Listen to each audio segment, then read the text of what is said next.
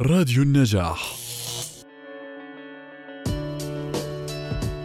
الآن فكرة الشيطان ما مش أنا اللي راح أناقشها موجود أو مش موجود إذا بدنا نيجي نحكي على على الأديان بشكل عام فالأديان بشكل عام تحكي إنه في آه، وجود للشيطان.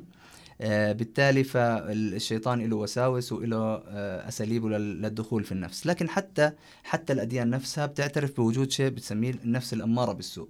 برضو بدون ما يكون نعم، في. شيطان برضو في نفس أمارة بالسوء.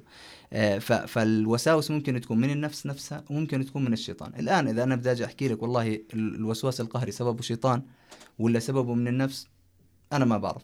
ما عندي ما عندي هاي الخبرة الروحانية لحتى أقدر أفتي إنه من وين سبب الوسواس القهري. لكن إحنا كاشخاص بنتعامل بلغة العلم نحكي إنه هو من النفس.